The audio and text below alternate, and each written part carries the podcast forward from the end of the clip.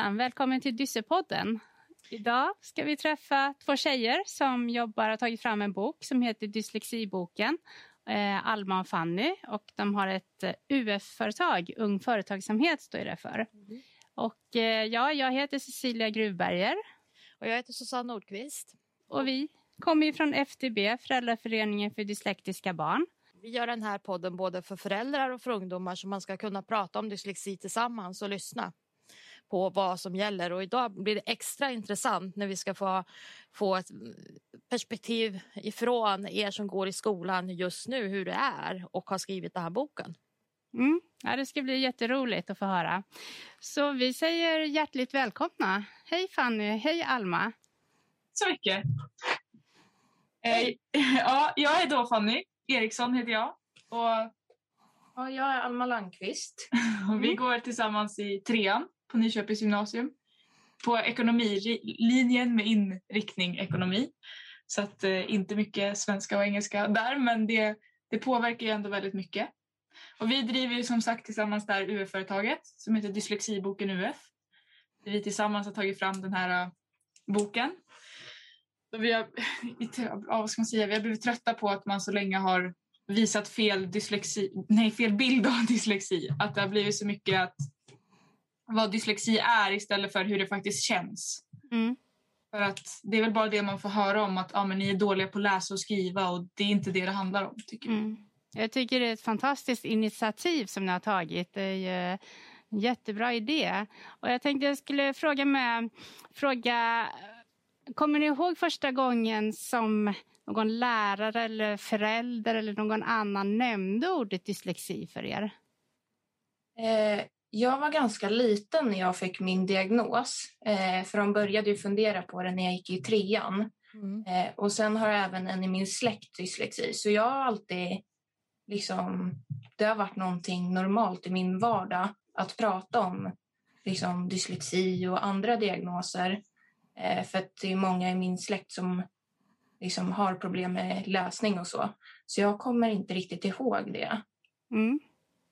Nej, det är väl detsamma för mig. Alltså jag fick till skillnad från Alma min diagnos ganska sent. Jag gick i åttan och har väl alltid genom min skolgång fått hört att liksom, du måste kämpa hårdare, du gör inte som du ska. Du, alltså så här, varför är du så dålig på engelska? Man blir liksom trögförklarad mm. egentligen.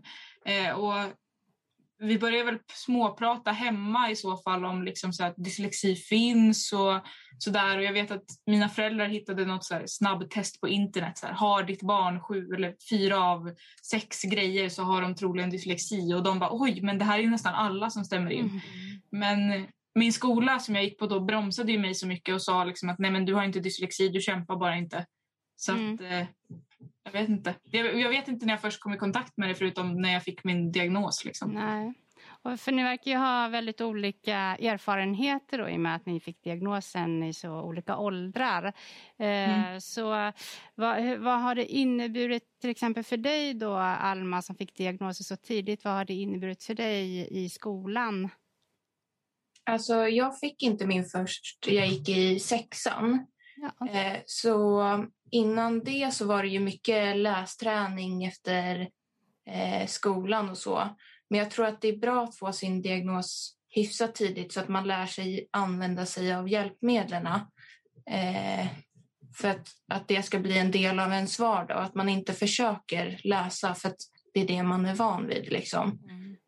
Eh, så jag tror att det hjälper nog mycket att man får en hyfsat tidigt. Liksom.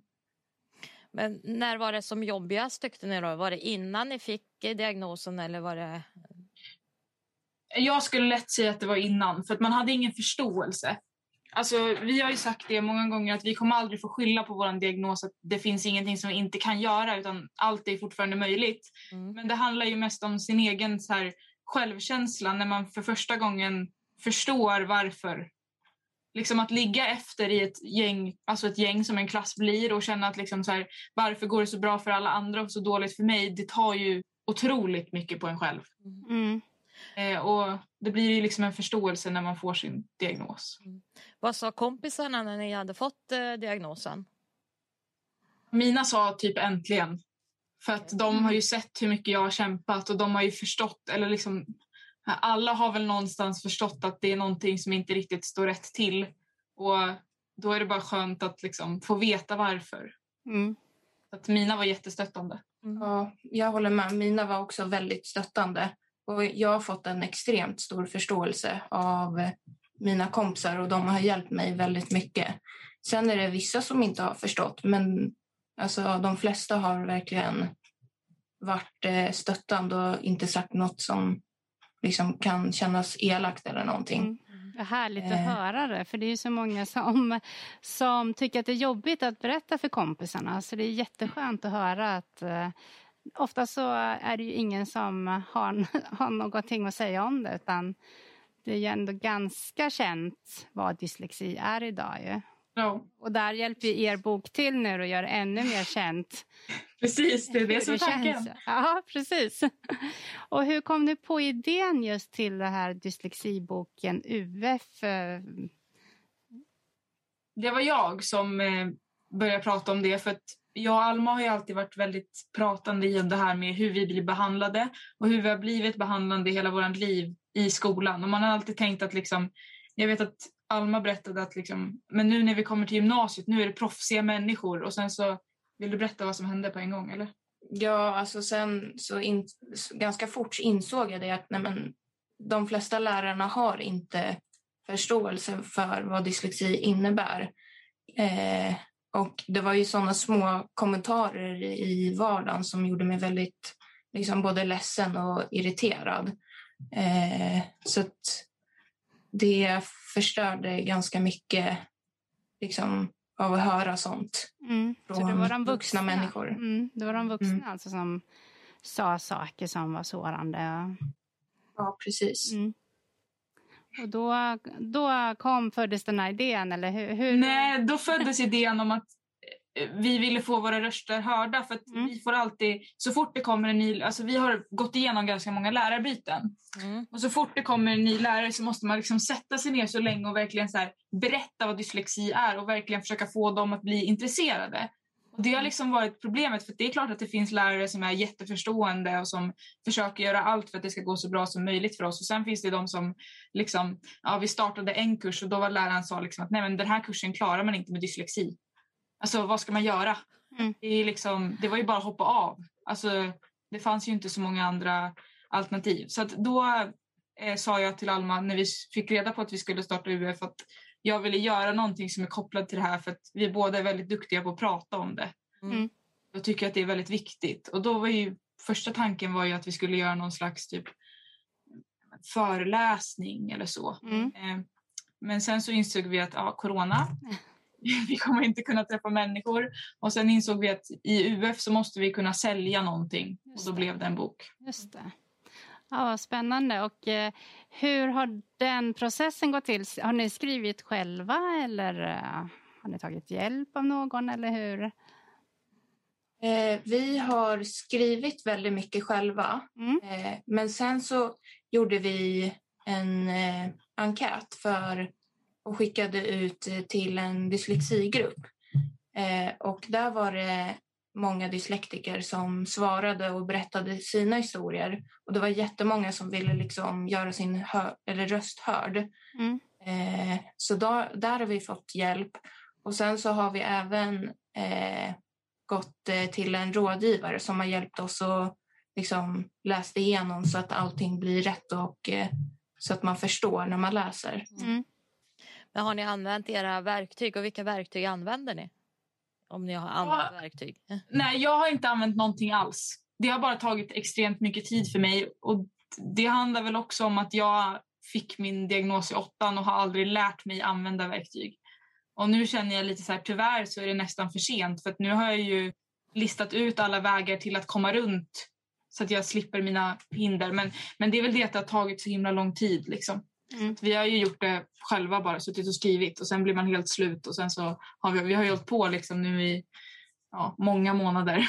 Vilka vägar har du hittat? Ja, men det handlar väl om att liksom så här, framförallt så har jag bara låtit mig skriva och skitit i att jag har stavat fel och sen gått tillbaka efteråt. Att liksom, det är okej okay att stava fel för att det är så det är men jag har lärt mig att så här går man tillbaka och så här ska det vara. Eh, Men sen är det väl också liksom så att ja, men, när man har varit någonstans och så har man kommit på att ah, det där vill jag ha med. Eller liksom, när man har suttit någon kväll och kommit på att det här är jättemycket som jag... Då har jag liksom tagit telefonen och så har jag spelat in fem minuter där jag har pratat om det. För att liksom sen kunna ta upp det igen när jag ska väl ska sätta mig och skriva. För det tar ju väldigt mycket kraft att sätta sig och skriva. Liksom. Och eh, Alma, använder du eh, verktyg? Har du kommit in, i och med att du fick din diagnos lite tidigare i alla fall, i att använda hjälpmedel på det sättet? Jag har börjat använda mer verktyg nu på senare liksom, tid, mm. i trean. Eh, och då är det att prata in text och liksom använda sig av alla de här stavningsverktygen och försöka lyssna på texter. Mm. Eh, och det har hjälpt mig, för då blir jag inte lika trött. Det. det. är det jag tycker är svårast med min dyslexi. Det är att jag blir så himla trött så fort av att läsa och skriva. Och eh, nu kan jag ju sitta längre tid om jag, om jag pratar in och liksom använder alla dem. Ni pratar om i boken om eh, det här med känslig hörsel. Kan ni utveckla det? Hur är det att ha, och ha känslig hörsel och dyslexi? Fantastiskt och skitdåligt. Eh, jag, jag uppskattar det jättemycket för att det gör, jag har speciellt väldigt känslig hörsel och det gör ju att jag är jätteduktig på att ta in allting under en presentation. presentation. Vi har pratat om det många gånger att jag pluggar väldigt sällan till prov för att jag kan ha lyssnat in väldigt mycket. Men det blir också så här att ja, men häromdagen när man sitter ute och äter mat någonstans och det är andra folk där. Liksom, jag hör ju allt så jag blir ju helt hjärntrött. Alltså det, det, det blir ju liksom så här, det, det, är liksom en konsert för mig att sitta på bara när någon äter middag för att då börjar de prata om bilar där bak och så, så jag hör allt och har inte riktigt lärt mig hur jag ska koppla av. Liksom. Mm. Mig när jag var liten, då typ när vi åker bil, då spelar man ju oftast musik eller har radio på. Och då är det, alltså, varje gång jag har åkt bil så har jag bett mina föräldrar att sänka eh, ljudet. Och jag har tränat upp min hörsel mycket mer så jag är lite känsligare för höga ljud. Eh, och det kan ju vara lite jobbigt, alltså typ i klassrum och sådana grejer. Man inte riktigt kan be alla att vara tysta. Ja, det är faktiskt nytt för mig. Jag har ju själv inte dyslexi, men min son har det. Jag har faktiskt inte tänkt på den kopplingen mellan dyslexi och eh, att man kan vara känslig. Men det, man bygger ju fram det. Alltså det. Det har vi pratat om lite grann, tror jag, i boken. Tror jag, det vet jag att vi har pratat om i boken. Att liksom läsa och ta in text genom det sättet försvinner ju för oss. Och vi måste hitta andra vägar. Mm. Och det är jättemycket lättare att bygga på någonting man är stark på än att bygga på någonting man är svag på. Mm. Vi, kommer ju, vi litar ju på vår hörsel på ett helt annat sätt och använder vår hörsel på ett helt annat sätt för att vi har så svårt att ta in genom text eller ta, tas fram eller vad man ska mm. säga. Man pratar ju mycket om var man ska vara placerad i eh, klassrummet. Vad skulle ni vilja ge för ett tips? Är det bättre att sitta längre bak eller längre fram, mitt i? När jag var mindre då gillade jag att sitta längst bak för då kunde jag hålla koll på alla ljud runt omkring mig. Mm. Alltså längst bak i hörnet för då ser jag allt framför mig. Om det är något ljud så kan jag liksom se på det på ett annat sätt. Liksom. Då har jag mer överblick. Men nu eh, så har jag insett att jag gillar att sitta längst fram i hörnet. För att då kan jag koncentrera mig bättre på läraren och slippa se alla skärm, datorskärmar som gör fel saker. Liksom. Eh, men det är fortfarande lite störigt när det är ljud i bakgrunden. Liksom. Det blir lite svårare att koncentrera sig. Men eh, jag, nu skulle jag nog helst vilja sitta längst fram i ett hörn. Mm, vi sitter ofta längst fram åt ena sidan. Liksom. Okay. Dels för att du får en närmare, alltså läraren är ju närmare dig och du hör ju det ljudet starkare. Mm. Men sen också, det är ganska lätt att vrida på huvudet och kolla vad som händer istället för att man sitter liksom mitt i. Vår koncentrationsförmåga är ju lite nedsatt med dyslexi eftersom att det är så jobbigt för oss att gå i skolan med att ta in text och det tar ju liksom mycket mer kraft av oss. Det är ju bra för att man måste försöka släppa det som är bakom och bara tänka framåt. Det är svårt om man sitter längst bak. Det jag tyckte var lite roligt här i boken med ehm, det är när ni ger exempel, fem olika exempel på hur en text kan se ut för en dyslektiker.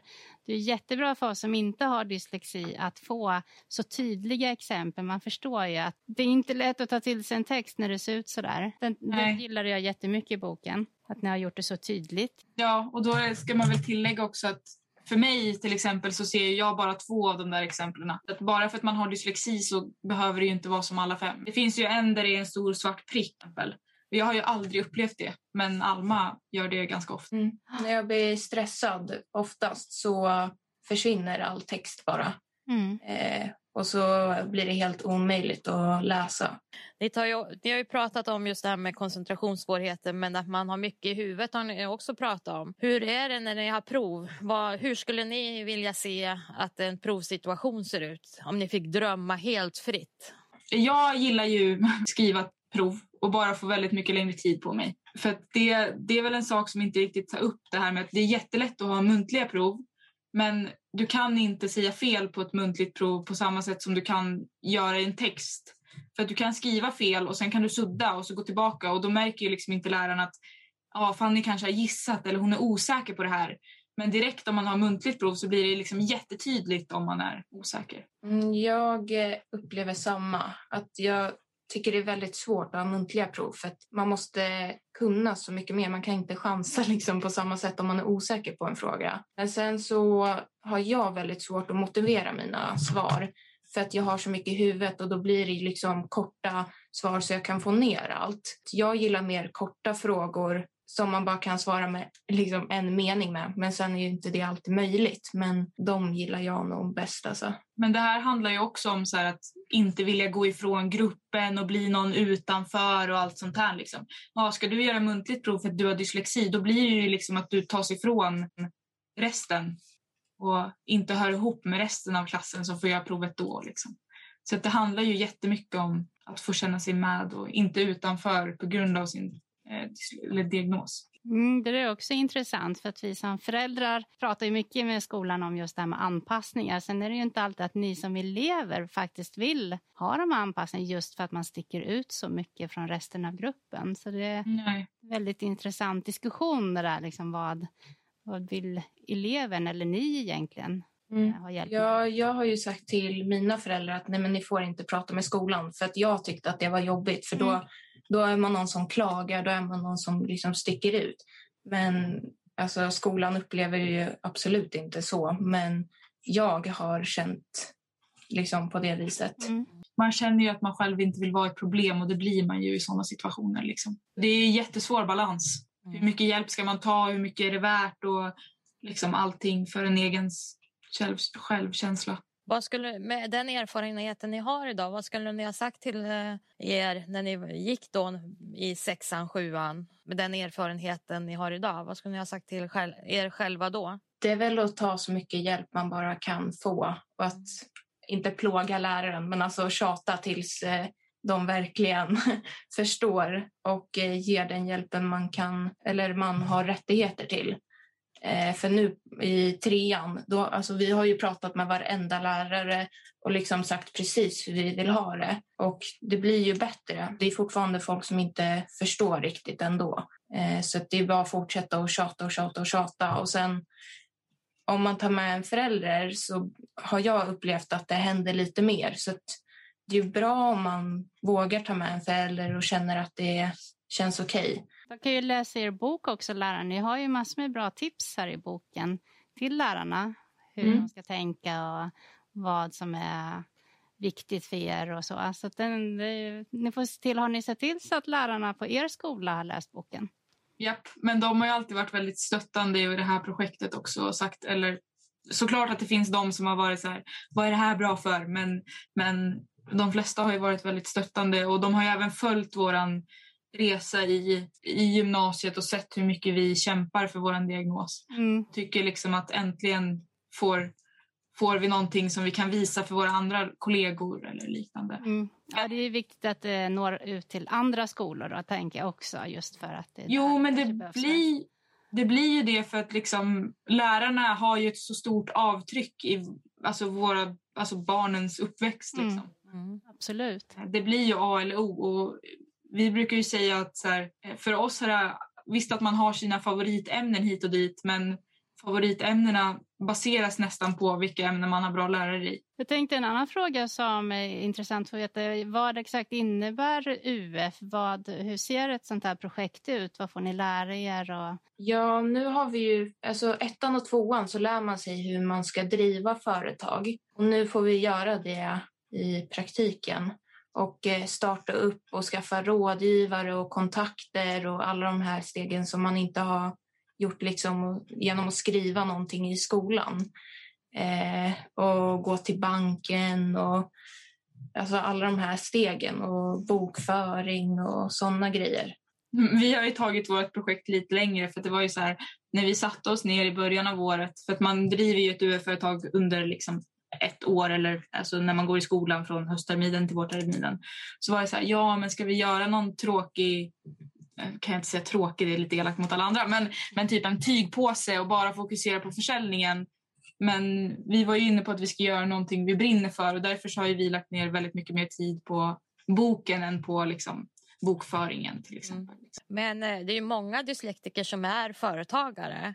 Ser ni er själva som att ni kommer att bli egna företagare framåt eller hur ser, ser ni på framtiden? Jo, men det skulle väl vara roligt. Mm. Alltså, nu har vi ju insett i år hur mycket jobb det faktiskt ligger bakom. Det är ju både väldigt roligt att driva och se hur alla eh, liksom säger oh, men vad roligt att ni har gjort det här och man blir så glad av att höra alla positiva kommentarer. Men sen så ligger det ju väldigt mycket jobb bakom det. Liksom. Eh, men jag tror att det skulle vara roligt att driva företag i framtiden. Vilka styrkor eh, tycker ni att ni har använt er av som UF-företagare nu? Ehm, för jag vet att man, man formar ju styrkor utifrån oftast för att kanske kompensera sin dyslexi eller vilka tycker ni ni har fått använda er allra mest av här nu under UF? Alltså för mig så känns det mest om att bli hörd skulle jag säga. För det är väl så här, ja, det, efter att ha gått igenom allting som man gör som dyslektiker när ingen förstår en och oförstående lärare och jag har haft väldigt, väldigt dåliga lärare liksom, i perioder eh, så vill jag ju bara att ingen annan ska behöva stå ut med det och därför så, jag brinner ju verkligen för dyslexi nu. Mm. Jag vill ju liksom att alla ska verkligen så här, snälla kan ni bara fatta att det handlar inte om att jag har svårt att läsa och skriva. Det handlar om att jag blir utanför i gruppen och att liksom allt, allting som det faktiskt, alltså hur det känns det, det känns inte som att det läggs... Alla är så här, ja men det är ju en diagnos som vilken som helst. Och för mig så handlar det ju mer om att det, vi har ett helt samhälle som är uppbyggt efter alla våra svagheter. Mm. mm. Hela vårt samhälle idag är ju uppbyggt på text. Du ska lära dig genom text, du ska liksom allting är genom text. Du ska förstå, du ska examineras, liksom allt är genom text och det är det vi inte kan kan vi ju, men det är det som är vår liksom, svaghet. Jag tänkte också på, när du pratar om att ni har haft lärare som inte har lyssnat. Har ni haft någon lärare som sticker ut som verkligen liksom har lyssnat på det, som har hjälpt er framåt och som har varit någon så här, gett er någon extra push? Ja, jag tycker ändå att det är ganska många lärare som verkligen försöker att eh, hjälpa oss och ger oss liksom anpassningar och så eh, som vår spanska lärare som vi hade i ettan hjälpte oss väldigt mycket eh, och gjorde spanskan till liksom roligare än vad vi egentligen tyckte. För att det var ett av de ämnena som jag hade riktigt svårt för, att lära sig nytt språk. Liksom. Hur, gör, eh. hur gjorde läraren då, då? Kan du ge några exempel? Men han eh, gjorde liksom mycket muntliga grejer och försökte lära oss liksom, glosor genom muntligt och satte sig ner med oss. Liksom. Så då blev det ju enklare för oss att lära sig. Liksom. Mm. Det största var ju också att han var väldigt engagerad. Alltså, det ger ju så mycket av att, liksom så här, att man verkligen känner att han försöker. Det får ju en själv att också vilja liksom, verkligen kämpa för det. Mm. Men sen har vi även många andra lärare som också lyssnar och, och försöker och om det inte finns inläst så kan de läsa in och det tar ju mycket av deras tid. Det är vi väldigt tacksamma för att de liksom försöker oss hjälp, hjälpa oss framåt så vi mm. kan lära oss lika eller på samma sätt som alla andra. Ja, jättekul att höra om era erfarenheter. Men det, kommer, det är så nu att nu eh, avslutar ni det här projektet eller vad är nästa steg? Vi avslutar ju vårt, eller måste avveckla vårt UF-företag här i, I mitten av maj. Mm. Mm. Och sen får vi se framöver liksom så hur det går för projektet. Vi har ju fortfarande böcker kvar så att är man intresserad så går det ju att höra av sig, sig till oss och kolla hur det ser ut. Mm. Hur köper man boken? Passa på här nu. ja, eh, lättast är att kontakta oss på Facebook. Mm. Det heter Dyslexiboken UF. Där ligger ut en länk till en enkät och så fyller man bara i den och så får man ett mejl. Så att det brukar gå ganska lätt och smidigt. Det finns ju även via Instagram eh, på samma sätt. Dyslexiboken. Mm. Mm. Vi har ju beställt boken och det gick ja. jättefort att få den. ja. ja, verkligen. Ja, nej, men det, vi ska verkligen se till att så många som möjligt köper den här boken nu. Mm. Vad roligt. Tack så mycket. Vad skulle ni vilja ge för tips till lärare? Era tre bästa tips till lärare och era bästa tips till föräldrar. För vi behöver ju också stöttning i hur vi ska behandla er. Eh, till lärare skulle jag säga att ta er tid att sätta sig in eller prata med personen, fråga men hur vill du ha det? Vill du ha det muntligt? Man kan ju fråga flera gånger också. Ja, men hur kände du för den här uppgiften? Var det här ett bra sätt att lära sig på? Men sen också lyssna på vad eleven säger och sen göra som de har gett tips. Liksom. Och känner man inte att man har liksom den här rätta behörigheten till att hjälpa det så liksom släpp prestigen och gå till en extra lärare. Liksom. Lärare kan ju också hjälpas, hjälpas genom extra eller speciallärare. Det är inte bara vi elever som kan. Mm. Att istället för att vara så här, nej men jag klarar det här så ja, men gå till extra läraren och fråga hur, hur de hade gjort eller liksom ta hjälp. Vad skulle ni säga till era föräldrar eller andra föräldrar som har barn med dyslexi? Kämpa på. Ni gör ett guld värt jobb liksom läs på vad diagnosen innebär och hjälp så mycket som man bara kan. Alltså som min stora syster, hon hjälpte mig att läsa matten häromdagen. Hjälper mig jättemycket och är guld värt av henne att sätta sig ner och läsa min matte. Men sen också att det, alltså det är okej för föräldrar att tycka att det är jobbigt. Min mamma har varit med och skrivit om hur det var med min diagnos och liksom skammen över att jag fick den så sent och att, och att liksom man litar på skolan. Och det är så här, för oss som dyslektiker så är det okej okay att det är jobbigt för andra. Av vår diagnos, alltså den påverkar ju alla. Mm. Och visst att det, det, finns ju såklart en gräns. att liksom, jag menar, Om mina föräldrar skulle komma varje dag och klaga på att du har dyslexi då skulle jag ju gå under jorden. Men, ja, men det här går jättebra för det är okej okay att tycka att det är jobbigt. Liksom. Sen har mina föräldrar varit väldigt mycket, alltså de har pratat väldigt mycket om dyslexi och visat att det inte är någonting man ska behöva skämmas över. Man pratar öppet om det för att det är liksom helt normalt. Och det har gjort väldigt mycket för mig för att jag tycker att dyslexi är ju, alltså det är min vardag och jag pratar om det med alla som möter mig typ. Härligt. Ja, jättehärligt att Underbart. höra. Ja, bra avslutning. Ja skulle jag säga, mm. på den här intervjun också. För tack er så hemskt mycket för att ni har varit med. Mm. Ja, tack själv. Fick vara med. Hoppas att ni får fortsätta med ja. den här boken och eh, kommer se er som företagare här om några år. Då. Ja. Tack för att ni har lyssnat på Dyssepodden och ett tack till tjejerna här som har tagit sig tid att uh, vara med i podden. Och det är ju inte bara ni, ni är ju två till som är med i, i ert UF-företag. Men uh, vi kommer att lotta ut den här boken. Följ oss på Dyssepodden på Instagram eller på FTB på Facebook så kan ni vara med i utlottningen. Tusen tack för idag. Ja, tack så tack. mycket Susanne. Tack.